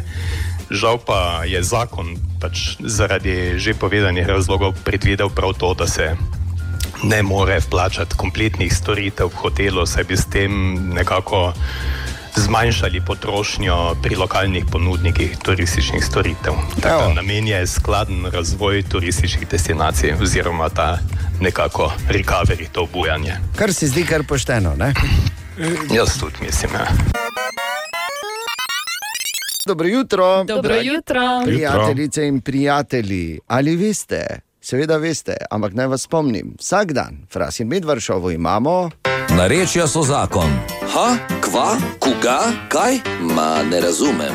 In Atila Bič Božji na reči in na splošno pravilne uporabe slovenske slovnice, pri nas je Marko Fras. Marko, kaj imamo tu? Dobro jutro. Jutro. Dobro Na zadnje smo iskali narečne izraze za besedo goljufati. Jaz sem Aljaš Šešo, doma sem z Lorenco na Dravskem polju, rečni izraz je zbrnate in onite je ta hul zbrno. Sem Lidija Ščap, eh, živim v Benediktu, Slovenski Gorico. Mi po domačem rečemo uh, goljofati, petregati. Jaz sem bila trgovka, pa uh, so dosti krat stranke rekle, da petregamo. Sem Marina Pavlović, prihajam iz Maribora, živim pa v Helsinkih na Finskem. Uh, jaz rečem goljofanijo plonkanje oziroma plonkati. Če pišem test, da pa nekdo vpraša, kaj si mislil plonkati, uh, ali pa imaš plonkce, recimo kot listke za švinganje. Zdravljen, sem Mitja Mlakar, prihajam iz uh, Benedikta. Pri nam na Štajerskem uporabljam besedo nagnit, uh, recimo lepo si me nagnil. Silva, rojena v Črni na Koroškem, zdaj živimo v Mariboru. Tako smo mi govorili v Črni. Kagal pa še, kagal pa še, to ni prav. In vsi ostali izrazi skupaj. Petrigat, petregat, pretrigat, švinglat, švindlat, vkoli prnest, galfat oziroma galfat, okolo brnit, peljati na limance, opaliti, v znoriti, okoli prnesti, nategniti, namrdati, lampati in nažgati. V tem tednu pa iščemo narečene izraze za osebo, ki je zelo podobna svojim staršem, torej da je nekdo ven vrezani ata ali pa da je slika matere in tako naprej. Kaj pravite vi trije? Gutalojza, Forf in Fuchs Švanc. Okay, bom, bom forfa vzel za ziger, ker ostale opcije so slabe. Fuh, švanc je žagica, no povej, Marko ima. Gutalojza je vrsta hruške, Forf je župnišče, Fuchs Švanc pa je lisičji rep, Tako. žaga. Ali Tako. kaj si ti mislila, Katja, da je fuks švanc? Hm? Kaj spet Povej. Ja, seveda. Ja. Kaj si ti mislila, da je? Da je rep, ne? Guta Lojza, ali kaj Ja, ti ja. je že rekel? Ja, da reče so zakon vsak dan, frasi med vršil med drugo in šesto. Ha, koga? Ma ne razumem. Narečja so zakon. Čas za tako imenovane modrosti iz čajne vrečke. Aha. Jaz par dni nazaj ugotovil, ko, ker pač vsako jutro pijem čaj, ka, ko se delam, da mi gori pišejo lepe stvari. In? In hvala, ker jih z nami deliš. Ja. Postaja to moja najljubša rubrika, počasi, ker je okay. tako, na ključna modrost jutra. Tako. Sem da še ne vrečke. Ja, tako. Modrost iz čajne vrečke danes zjutraj pravi takole: Veličina se meri skozi to, kar daš, ne skozi to, kar imaš. Oh. Ujabem te. Ma ti kaka globoka. Kaj si ti, no, res, mimo milo, bor, ne. Nova modrost iz čajne vrečke je spet jutri zjutraj. Želimo dobro jutro. Dobro jutro. In ne pozabiti, Maribor bo mesto. Šampion! Tako, hvala lepa. Maribor je mesto, šampion, mimo grede. Ne? Ampak hkrati bo morda celo mesto s tunelom, ne, kar eh, seveda dela, eh, dela mesto. mesto ne. Mesto. Ker Seveda, če mesto nima obvoznice. Ne, če mesto nima tunela, bo Vem, ampak čakaj, da uh, Maribor bi rabo obvoznico. tunel. Obvoznico. Tunel je bolj Ne, seksi. Mariborska obvoznica ne more biti drugo kot tunel, to je problem. Ja, no, se vseeno, ampak jaz, E, ni tako jaz, sem- vseeno. jaz se menim tunel. Ja, ja ne. tunel je res tunel. Tunel. tunel. Ima mesto tunel. Ja. Ker če kaj znamo v Mariboru narediti, je to tunel. Kar si katera, ko je prišla. Ja, je, je rekla, potem- kaj Ne, imaš je tunel, rekla, glej, nimaš tunela. Vidiš, Maribor pa je mesto, kjer so ne, Ja. tunelari. Ker, veš kaj je poanta? Ne rad zveni, če ti rečeš, doma sem eh, pač iz mesta in sem se pač pripeljal v mesto. Ja. Uh, kje si prišel? Skozi tunel. Skozi tunel. To je nekaj čist drugega, ne? ko ima mesto tunel. Ja. Je, glej, tak, tako kot sem rekel, uh, ima mesto tunel. Oh, ampak kje bi naj ta tunel bil, stara zmrzlak? Ideja je ta, da bi v 800-metrski dvopasovni tunel umestili mestni promet, ki je točno naj bi stal tunel, odgovarja podžupan samo Petr Medved. Išče se lokacija vhoda nekje med Vrbansko cesto in uh, območjem tretje gimnazije. Izhod pa je predviden na križišču Prešernove, Partizanske in Titove ceste, kjer je nekoč križišče za slovensko cesto že bilo, se pravi, da prometa tu nič ne spreminjamo. No in študija tipanja terena bo pokazala tudi, ali so pri potencijalni gradni kakšne omejitve, pa do denarja za gradnjo še niti prišli nismo. Vsi vemo, da bi radi imeli zaprto uh, historično mestno jedro za promet, da bi to lahko bilo turistično izredno zanimivo, vendar pa se alternative pravzaprav niso ustrezno iskale. Se pravi, lahko ustvarimo problem, ne pa rešitve, mi pa definitivno radi rešitev tudi našli in ljudem povedali, kakšna bo in koliko bo stala. Povedal bi tudi, da je, da je lahko rezultat te študije izvedljivosti tudi ta, da zadeva ni izvedljiva. Ne, ne bom zdaj obljubljal absolutno pozitivnega rezultata, seveda si ga želimo, veseli bomo, če bo do tega prišlo, ampak študija lahko pokaže, da zadeva ni izvedljiva.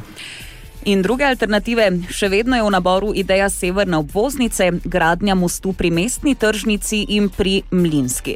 Ali bo gradnja mestnega tunela izvedljiva, bo znano avgusta oziroma septembra. V tem trenutku na občini čakajo na ponudbe izvajalcev, da bi dobili okvirni občutek, koliko bi tunel stal. Sicer pa bo avgusta znana tudi usoda Koroške ceste, ali bo tam še potekal promet, um, s prenovo lenta pa naj bi začeli prihodnje leto. Mhm. Skratka, Koliko Maribor. informacij, jaz sem čutil samo eno besedo, to je čas. Ja. Tunel. Tunel. Uh, to je mesto, ki ima tunel. Me, lahko bi imela. Seksi. Še bi bil grad brezvezen, samo ima tunel. Ja. Tako bo Maribor, mogoče enkrat jaz navijam za tunel. Bor, veš, ko si par dni nazaj govoril z ja, našim. Ja. Da je 19. z Edvardom Klugom. Vem, točno kaj boš rekel. Lej. Vem. No, hvala. Ja. Te pa povej, kaj bom rekel naslednje. Še. E, to pa ne vem zdaj. A to pa ne veš. Vem samo, ker si se zagnal tako v mene. Ker pred par dnevi sem govoril samo o tem, da se v SNG vrača balet. Ne vem, kaj si uh, Ana dala mu v kavo, ampak očitno deluje intenzivno. Uh, torej, ja, Edvard Klug v bistvu je bil, danes smo zelo ponosni, v bistvu v našem mestu ne smemo pozabiti na to.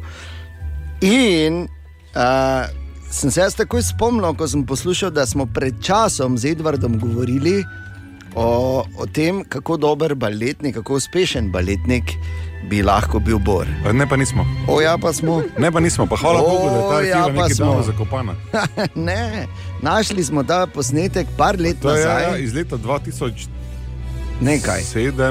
Tako. 2000 nekaj je bilo leto, uh, bil je balet v okviru festivala Lend, ampak predtem smo takrat govorili na to temo. Edvard Kluk, oboru baletniku. Um, jaz mislim, da to, kar človek najprej opazuje pri Boru, je, da je uh, neizmerne telesne lepote, uh, suh, uh, baletnik seveda mora biti uh, suh in uh, uh, privlačen. In, uh, um, Nadaleč, ne? Nadaleč. Edino, kar se mi zdi, edino njegova napaka, pri, uh, ne, ne samo nadaleč, ampak uh, uh, njegova napaka, oziroma ne, ne doživljam uh, kot, kot baletnika, ne, uh, uh, baletnik je tih. In uh, uh, uh, Bor zelo dosti govori. Tako da, uh, ampak to se da zvaditi, in jaz mislim, da, da ni prepozno, da vabimo v, v naš ansambl, v balet SNG Maribor, uh, Bora na audicijo. Pravzaprav še audicijo ne rabi, ne, ker je. Uh, uh, tako sem, absolutno, sem prepričan, da je, da je uh, naravni talent, uh, še sam mogoče uh, to ni ugotovil, ampak uh, jaz sem pripravljen, da uh, začnem delati z njim in to tako je. Mhm, bodo potrebne kakšne posebne kondicijske priprave, ker Grajner ravno dosti ne telovadi. Ne? Uh, ni problem, kot sem rekel, uh, včasih je uh, uh, zanimivo postaviti človeka sredi odra, da stoji in da, da ga uh, uh, ljudje. Uh, obeh spolov opazujejo in se uh, mu čudijo in uh, uh, se navdušijo. Ah, videl to? Jaz moram mejala tebe, pa Edvarda zapreti. Te lepe 10 let zaradi tega. besede enega najboljših koreografov vseh časov, ki je zaznal, da je tvoja velika napaka, da preveč govoriš. Ampak, Ja. Če bi hkrati, balet plesal. da se da to natrenirati. Točno to je bilo A te meni nekaj? všeč. To si prvič čula za ti? Ja. In da je dovolj, da te postavimo in da stojiš. In da se ljudje obeh spolov čudijo tvojemu lepemu, suhemu, privlačnemu telesu. Če gremo zbrskati po naši arhivi, ne, bo to vojna, ki se ne bo hitro končala, kolega. Vredo, vredo. Ampak, gledaj, ti si Edvarda Kluga srečal, jaz samo sem to še enkrat več povedati, kako zelo smo ponosni, da je v Mariboru in da je tako izjemen kot je. In ko nekdo taki reče, ti izreče take pohvalne besede, Bor, tudi ti moraš preprosto reči. 19. junija, Hvala Radio in lepa. Juliet v SNG, Tako. baletna sezona se odpira. Evo, prav. O, Tine! O, Tine! Ja, zdravo. Dobro jutro. Kaj pa te imate? Kaj si ti, parkar videl, kar je Katja naredila? Ne. Ja, dve stvari je danes naredila. Najprej je en kraj. Um, to sem slišal. Ja. Prefukovje. Ne, Kateri? ne, Prefukov je. ne, prebukal je. Ja, ja, kaj In Zanela je ko. Vemo, kaj si etru. rekla. Da, Ja. Vprašala je, ali obstaja kraj prefukov. Ne, nisem. Si, si. Edino, kar ne ima, ali je pre, ali je Katja. U ali U. Katja, obstaja. Obstaja, verjemi. Bravo. Če pa ni, pa Trikrat bravo za kraj. si Bravo, bravo, bravo. Ne, se vredo, Katja, gledaj. Mene pač- ste si našli danes. Tebe, kaj pa te, Ana, je? Okay, Jaz sem, jaz sem si javno našel. Tine jaz se je bi na družil z nekom, sporedu. ko zna ta je Ne grde kraj. ti Ne, vi najti. se kar zmenite. Ne, ne, Ne, vredo vrdo je. je ti. Ja, ne. vedno, moj termin postaja eh, poligon za vas, tu, da se To ni poligon, ti ne, tvoj termin je kraljevski termin, ti pride sem, mi se menimo čudovito. Jaz Samo malo, kako misliš za nas? Ker vemo, ne, Dobro. Kdo ima, ker je Orl ima najdaljše kanže. Normalno. Zakaj pa to bilo kadarkoli drugače? Se pa te, glej, če so Glej, pri, no. pri psih je tako, da en vodi trop, pri vokovih je tako, da en vodi trop, še pri pticah, ko v formaciji letijo ena od sprednjih. A, samo se menjavajo. pri pticah. Resno? Dajmo, Ja. si glih ptica meno. Kot je to je. To je svinina skrili oziroma galebi. Rečni. Torej, No. stvar je sledeča. Eh, pa se ne, nijem. No, povej, Ja, zdaj nimam nimam volje. volje. Ne, daj, ti ne moraš. Ne, ne bom. Ti Daj, No, ne. pa ti ne, daj. Pa no. daj. Jutri. Ne, Ne, ne, jutri čakaj, ne. drugi Ne teden gremo bom dalje, da ne, ne, ne, ne, ne, ne. Zakaj? Ti ne. Če pa nimam volje, če me ne vzamete bi volje, voljo, če pa samo tebe čakamo in te poslušamo. volja, res. Kako No, ta? vseeno bi nam povedal. Daj, no, ti ne. Gledaj ti ponovim istočnico. Ne, zdaj pa ti. Torej, eh, ves golobi drek v Angliji je v lasti eh, kraljeve družine. Zato, Kaj? ker so včasih iz golobega dreka delali, eh, delali smodnik tudi. In je takrat King George I Ja. razglasil, da je ves golobi drek njihova last. Tako da ne jemljite dreka Da ne bi slučajno. Zato ker, zato, ker stara to je. Kaj bi se držalo? Kaj bi se držalo? veš, koliko stari požrče, imam včeraj 99. 99, ja, on se še pa maže.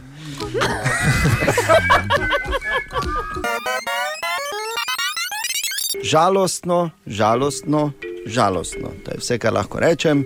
Ko gledam seznam, kje bomo Slovenci porabili svoje voucherje oziroma bone. Žalostno, žalostno. Stališča Mariborčana celo tragično. Tragično. Nekaj morate vedeti, da je največ rezervacij doslej so prili na obali, Ja. logično, Ja. pač tam je edino morje, če ne šteješ morja pri Framu. Ampak to pa, da je Maribor posem na repu, Ljubljana je Zadnje na predzadnjem mestu, Maribor pa čisto na repu lestvice, kjer smo do, por, rezerv... Kaj ti ljudje razmišljajo? Bleh. Je ena razlaga, sicer bor ne, zakaj je to tako. Ni razlage, vsak mora v Mariboru iti enega življenja, tako kot oni, ko grejo na hač. Ne? Ne, ampak ja, Samo da pač greš v Neko. Maribor, zato ker ne. ne, samo Ena, no, alternativna razlaga tukaj bi bila, da mogoče pa zato, ker je uh, Ljubljana in Maribor skupaj sta dobra četrtina vsega prebivalstva. In Ja. ja. zdaj Ljubljančan ne bo šel v Maribor, Maribor če ne bo šel v Ljubljano, dopust, so logične stvari. Samo jih pol vseeno tri četrt ostane. Ja, kaj je razumeš? s tri četrt Slovenije? Tri četrt je trikrat toliko kot je četrt. Tako da, halo, kje je težava? In sem jaz razmišljal uh, in sem napisal en kratek top 5, zakaj bi morali Slovenci bone porabiti v Mariboru. Dejanovih top 5, 5, 5. Stvar je zelo preprosta in no, ja, v redu. Stvar je zelo preprosta in logična. Zakaj bi morali Slovence bone, Slovenci bone porabiti v Mariboru prvič, ker drugače, boga mi. Zakaj bi morali Slovenci bone porabiti v Mariboru? Drugič, no, zakaj pa misliš, da je Bor zdaj adaptiral konor? Da bom sam gledal. ne? Ja. Zakaj bi morali In Slovenci... Pardon, table že kažejo, kam morate priti. gledat. Zakaj bi morali Slovenci bone porabiti v Mariboru tretjič, ker si samo tu lahko praktično pri županu doma? Zakaj bi morali Slovenci bone porabiti v Mariboru? Bodimo realni, ekipa, kaj boste te porabili, mislim. In pa zakaj bi morali Slovenci bone porabiti v Mariboru? Zato, ker je samo Maribor. Šampion. Točno. Še enkrat želimo dobro jutro. Dobro jutro. Kak je fajn, ko je petek. Yes, Čist drugo zjutraj. Ja. Že na vse zgodaj smo lepši. Mislim, v določenih ja. primerih je to težje. ne? Mm, Pri, ja. pri, predvsem na Bora, po meni pokazal, kaj je pri tebi še prostor za napredek. Ampak ne, se veš. Hec mora biti, uh, ampak uh, je pač tako, da zakaj so v bistvu šli v malo predrugačene naslovnice na vseh teh, lepo, v vseh teh lepotnih revijah. Veš Zakaj? Zakaj? Ja. Se pa jasno, ne. Poglej mene. In to je to. okay. torej, uh, ena stvar pa je, o kateri bi lahko danes in bomo debatirali na naših družbenih omrežjih, in to je. Uh, nekje smo zasledili na svet strokovnjakov, predvsem psihologov in psihiatrov, teh, ki jih dosti rabimo ne, v našem mestu ali pa v določenih inštitucijah. Uh, pravijo, da bi morali po karanteni obdržati karantenske hobije. In Katerega boš obdržal ti? Se pravi, vse, kar se je zdaj vmes dogajalo, ker smo se naučili gobeline šivati, eh, klekljati, eh, hortikulturati in ostale stvari. To sploh ne vem, če je glagol, ne? ampak dobro. Eh, Hortikultura- Hortikulturati ali ostale stvari. Turat. Hortikulturati, ja, kultura. Ja, jaz samo nekaj povem, ker nismo enega hobija. Maratonsko sedenje ne bom obdržal, ker je nezdravo. ja, Kaj? vseh Če pogledov. bi Boro križ, zdaj pa gremo dalje. Ti je poslal telegram, ne? Poslal, ja, poslal mi SMS. Uh, Katja, Um, jaz imam maratonsko spanje, ki ga bom obdržala. lepo. Upam, no, da ga bom. Ja, ne bi držal sape, jaz ne. Ne. Maratonsko spanje. Okay, in pa skrivalnice z muco, ne, ki se jih igrata doma. Joj, daj ne govori. Kaj ti je zdaj na zadnji skrila? Eh, Zdaj na zadnje, in lopatka je bila spet Ja. za ta Za, pesek. za ta drek, ne? Ja, za ta njen drek, ja, da besedno. Ti je spet skrila. Spet, ja. Lepo. No, ampak eh, kateri uh, karantenski hobi boš obdržala, oziroma obdržal ti? Uh, izvoli na našem Instagramu, Katja. Ne? Tako Da ne bom je. spet kaj pozabil, Na pa bil kregan. Instagram Radio City Maribor. Točno tako. Ja. Evo, Pa medtem, ko že odgovarjaš, še lahko stisneš eh, sledine. Evo, hvala. Tako. E, jaz, eh, a ja, ker me sprašujete, kaj pa jaz, ne? Ja, povej. Ker me sprašujete, ker Seveda. vidim. Veš, Ker me da noben ne vpraša. Ja, povej, no. Jaz sam Zakaj bi vprašam. te- Zakaj bi mene? Ja. Imaš prav, Boš tako sam povedal. Zdaj bom, ja, zato ker No, ste me že vprašala. Vse drugače Ja, ne bi. Okej. Jaz, sem, eh, jaz sem se na nek način vrnil na kolo, v, kot mnogi v tem eh, karantenskem času, s tem, da nam v Framu je lažje, ne? ker ne rabiš tako daleč iti, da vseeno narediš nekaj za telo, ker imaš breg blizu. Ne? Ja. in ostaneš znotraj občine. Uh, bi pa samo povedal eno stvar, da pa upam, ne, da bodo, uh, te pa če nas zdaj tako čist mimo, ampak vseeno veš, ko se pelješ, pa greš malo po naravi, pa po kakšni gozni poti. Pa eh, mimo tebe prihromijo tri kroserji, ne, Ja. eh, te najprej uh, skoraj povozijo, pol pa uh, moraš še naslednjih 15 minut, ko goniš uh, te hlape, smrdljive, vdihovati. Ne, Mhm. Nimate kaj tam zadelati, res ne. No, mislim, če imaš je denar, res grozno. če imaš denar za kroser, če imaš denar za kroser, te eh, imej denar tudi za prikolico, ne, pa se je na ja. progo. Ampak še bolj grozno kot to je, den, da, da, da ti vsi delajo, mu, mu, ko kolesariš. Ne? Ker Morate vedeti, da je eden redkih ljudi, ki ima opremo, lisasto. Daj nehaj, pa pač imam, pač imam taki dres, ja pa kaj zdaj, ti delajo vsi mu. Ja, daj nehaj. In ko se bo končno uresničilo, kot kaže, samo sicer ne vem točno, kako bodo to zaenkrat rešili, ampak da uh, se bo lahko šlo ponovno na stadione, na športne prireditve in pa uh, na prireditve, na katerih se zbere do največ 500 ljudi. Na športni prireditvi lahko sodeluje do 500 ljudi, ampak eh, je treba uračunati v to obe moštvi, eh, delegate, predstavnike medijev, varnostnike, vse podporne osebe, ki je potrebno za to, da se športna prireditev izvede in potem to seveda ni 500 gledalcev, ampak je to bistveno manj. Ja. E, pri futbalu je pač to seveda ogromno ljudi in lahko tu ženih 100 manj šteješ. Kar seveda pomeni, da bomo tu v Mariboru imeli resne probleme, ne vem, kako bomo to rešili, žrebom ali kako, na nek način že verjetno. Uh, Medtem pa imajo pri mnogih klubih še precej lufta. nov dan se dela in to, kak dan bo. Temperature, Katja, danes do 28. pije. Lepo. Pije! To je vse, kar bom rekel. Gremo pa sem postavljati. ne? Ja, ali pa skakati čez ograjo na otoku. Bor da ne bi to delal, ker še ni vode not. Okay.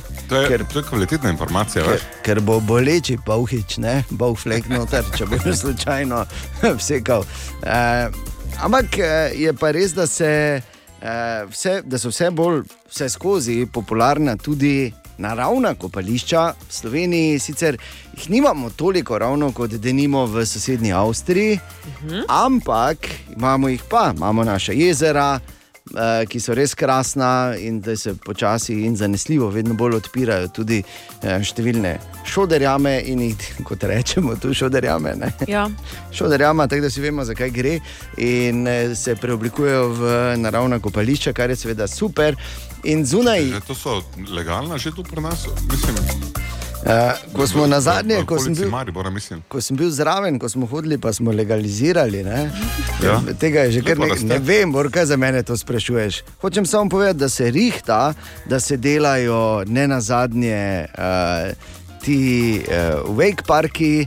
Ne? Eden je v, v Dupleku, eden bo zdaj tam pri Brunšviku, oziroma med, med Brunšvikom in Kungoto pri Ptuju, recimo to imaš tu v bližini Maribora. In to je v Šoderjami. Hm. In v Šoderjami je voda, ker drugače bi ne bi mogli vejkati. Ne? Ja. Neka. Okay, lahko zdaj grem dalje, Bor, ali me bo še kaj vprašal kot inšpektorja? Okay, hvala. Torej, dejstvo je, da so naredili raziskavo na uh, nivoju Evropske unije, ka- kakša, kakšna je kvaliteta te vode v naravnih kopališčih. Uh, štiri, Uh, čakaj, imam vprašanje. Kakšna je Ja. ja. kvaliteta vode v teh naravnih kopališčih? Evo ti bom povedal, v katerih državah se je varno iti kopati v naravna kopališča in v katerih ne. Štirje nivoji so, če eh, si zbral nad 90 točk, si v absolutnem vrhu. Drugi nivo je od 75 do 89, tretji nivo 50 do 74, to je že malo tak, ne? e, in pa najslabši nivo je pod 50, tam definitivno ne bi. Ne? In e, v prvi skupini nad 90, torej absolutno varno. Se je id kopati v javna kopališča, recimo v Avstriji, na Cipru, tu ima 99 točk, wow. Malta 98, denimo, Grčija in Hrvaška 96 točk, Portugalska 92, Nemčija 93, to je prva skupina. Tu okay. imajo dejansko najbolj čista naravna kopališča. Slovenija je v drugi skupini skupaj z Belgijo, Francijo, Španijo, Italijo, Romunijo, Litvo, Latvijo, Češko, Finsko, Švedsko in Dansko. V skupini 75 do 89 smo mi zbrali 81 točk in smo tako primerljivi dejansko s Francijo in Češko, pa Švedsko, tu nekje smo mi skupaj. E, tretja skupina, tam ko je že malo tak, ne, to so od 50 do 74, Irska, Nizozemska, Luksemburg, Slovaška, Estonija, Bolgarija. In Mačarska, na Mačarskem so recimo zbrali samo 71 točk, Bolgari 65. eh. No, a, kjer se pa definitivno ne smeš iti kopati v naravno kopališče, pa je Poljska, kajti na Poljskem so zbrali, pazi, samo 22 točk. Uh -oh. Ja, od stotih možnih. Tako Tako da imajo gudronske jame. Ja, zgleda. ne. Kje se pa danes kopamo, v tvoji ali v moji greznici? Samo po polsko. Ne? Želimo dobro jutro. Dobro jutro. Bi, spo, bi, bi pozdravil, samo imam telefon, pardon. pardon. In čas bo za borov, če pa tvoj najljubši te, termin zdaj. Ja, ne, ne morem za oboje hkrati. A te pa da termin. E, e, lahko prosim počakaj, da nas vezi malo, hvala. Izvoli, dan. Modrosti iz čajne vrečke. Ja. Uh. To je nova, ker imam pač take čajke, vsako jutro si naredim čajka. In vsako jutro sem ugotovil, da mi piše nova stvar, in danes je modroti, modrost iz čajne vrečke ta. Modrot. Modrot. Modrot je tajne detke. Ti pa ti modrot bi. Še malo štita govoril. Daj si venge pis, pa da te čujemo. Daj mi modrost. To je modrost iz čajne vrečke. Ni, daj mi pravo. Ne, Daj si venge pis, pa da te čujemo. ne, da, da res preveri zveče, ker sem res všeč te modrosti. Okay, pazi. Kako si edinstven, samo ti ti. Nikoli ni bilo takega, kot si ti, in nikoli ne bo tak, kot si ti. Pa tako da je pisano za mene. Je, je, je. Zdaj pa, da je pisvun, pa da te čujemo. Petek je. Vemo, Ta podlaga nakazuje, da je čas za šampiona. Vstopa skozi vrata in pravi: Dobro jutro, tu sem, ki vas je več. Čas je za skoraj nemogoče vprašanje, da mi izvoli. Kdaj je on bil šampion?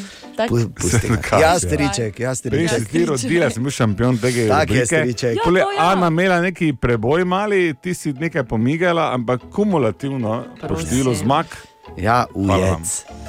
Vredo je. Torej, tudi rekel? danes skoraj Ujec. nemogoče vprašanje. Pogooglaj. Pogooglaj. Ja. Torej, uh, skoraj nemogoče vprašanje je tudi danes povezano z raziskavo narejeno v Evropski uniji, v katero mi zapademo, in ali je tudi danes tako, da je vprašanje veliko bolj spektakularno od odgovora. Za vse, ki vas zanima, unec je gručasto naselje ob vznožju ujec. Orljek na severovzhodnem robu Rakovške uvale. Ujec, sem ti rekel. Ujca, imaš ti med nogami. No, no. ja, vi bo reči. Poslušaj, zdaj skoraj nemogoče vprašanje. Se U, glasi, samo malo, danes pazi, takole. ste vedeli, da ujec je stric, ampak po materini strani samo? Pardon, in gremo dalje. Hvala. Ni zakaj. Torej, 8 od 10 v Evropski uniji, torej 80 odstotkov Večina, ljudi, razumemo. večina je prepričanih, oziroma pravi takole: ne tega. Bile pa- z okni. Daj no. Pa probo sem. Tega pa nikakor ne želim početi sam ali sama. 8 od 10. Imeti spolne odnose. Seveda bi bilo preveč očitno. Na, tako. Spati. Jesti malico, Karkoli je. pomagati otrokom pri domači nalogi. Ne. Zakaj, zakaj si ti meni rekla ne? Samo malo, zakaj Katja rekla ne? Kako ti veš, da to ne? Kak ti, samo malo. Kaj sem Kak ti veš, da to ne? rekla? Kaj sem Ti Rekla si veš, ne. da to ne. Ja, jaz vem, kaj si ti rekel, ampak zakaj ona ve? Je, kako je to? Kakšna nastavljačina že vidim? Gremo dalje, gremo dalje. 8 od 10 pravi, da to nikakor ne želijo delati sami. Nikakor ne želijo delati Ne, sami. ne zavračajo celo idejo, da bi to počeli sami. Zavračajo, da bi to? počeli sami. Pospravljati. Ne. Ja, ni slaba. Ni hišno Hišna pravilo. opravila? Ne, Ni, okej. ni hišno pravilo. Naj vam, eh, naj vam kar pomagam na tak način. E, počeli sami. Se voziti z avtom, ne vem. Ne, ne, ne. ne, ne. Ja, kaj bi se ti pol zjutraj zbudila, Ja, da bi te pelji se pel v službo? Jesti zajtrk. Ne, ni prehranjevanje. Kaj, kaj ti veš? smo Kaj, to, že, to smo se že zmenili. Nisi, nismo zmenili. Smo Zmenili smo se? Ja. A zmenjeni ste? Ne, v eter smo se zmenili, ni prehranjevanje, Ja, niso Katja. hišna opravila. Hmm. 8 od 10. Kje je glas ljudstva? Gremo, gremo, gremo. Ne morem tega sam. Tega- Damo nekaj, damo čete, pa to ne.